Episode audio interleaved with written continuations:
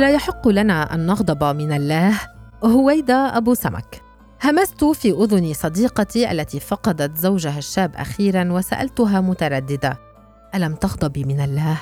نظرت إلي ثم قالت أغضب منه سرا فلا أشسر على التصريح بذلك وإلا أصبحت كافرة على الأقل في نظر الناس فكرت في حديثها طويلا وأنا أتساءل هل عقاب الغضب والاعتراض هو التكفير؟ وهل يغضب مني الله لو غضبت منه؟ لم أفهم يوما الحكمة الإلهية من الفقد. أحزن وأغضب عندما أسمع عن أم توفت في عمر الشباب تاركة اطفالا صغار وعن طفل صغير أو شاب رحل ليترك الما لا ينتهي.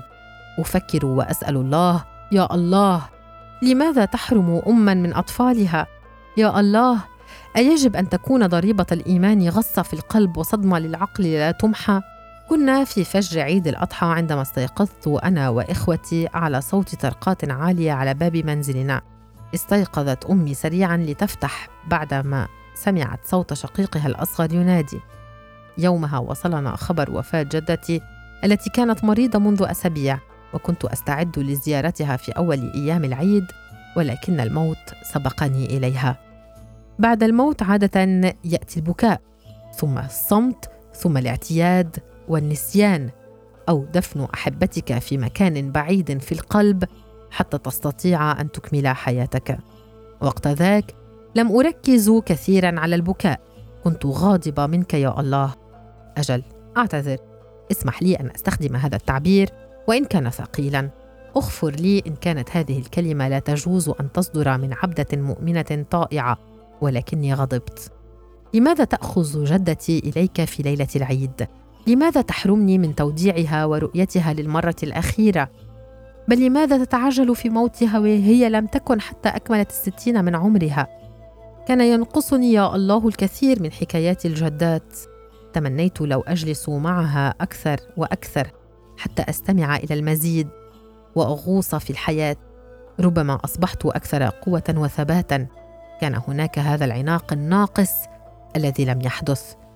كان يجب أن أكون ولكنك أخذتها. أمرت بموتها في هذا التوقيت وهذه الليلة ليصير العيد جنازة.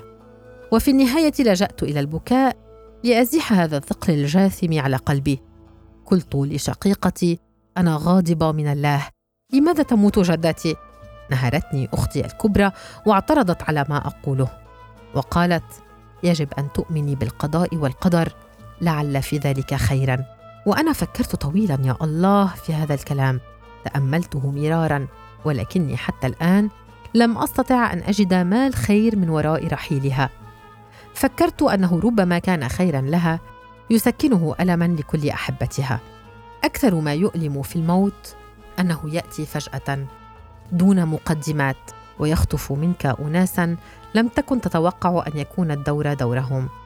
كانت شقيقتي في السادسة والعشرين فقط عند وفاتها. شابة تنتظر أم الوقت حتى تزفها إلى عريسها ولكن يشاء الله أن تموت. منذ عام 2011 ومنزلنا لم يعد إلى حاله.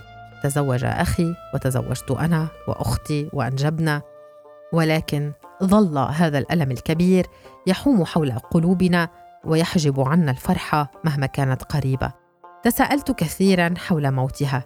لماذا تموت أختي في سن الشباب؟ لماذا يموت الشباب أصلا يا الله؟ أفي رضاك أن تتحول قلوب الأمهات إلى ظلام؟ امن عدلك أن نتلقى هذه المصائب بابتسامة كبيرة دون غضب أو اعتراض؟ أعرف كثيرا كل ما يمكن أن يقال عن الرضا والإيمان بالقضاء والقدر والصبر وغير هذه القواعد التي لا أعترض عليها.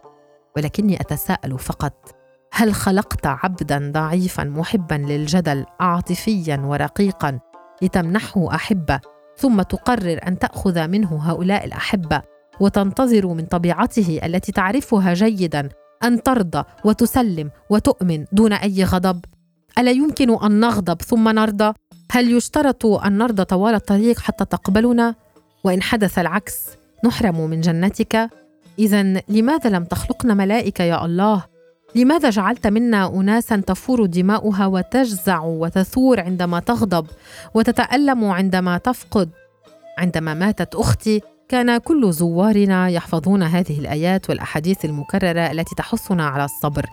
حتى ظننت للحظة أن هناك ورقة معلقة على باب المنزل يقرأها كل الوافدين لتقديم العزاء مكتوب فيها كل هذه النصوص التي تعاد على أسماعنا بشكل مستمر. تمنيت فقط وقتها أن يصمتوا ويتركوني حتى أتألم وأبكي وأغضب وحدي. تركتهم ودخلت إلى هذه الغرفة وحدي باكية.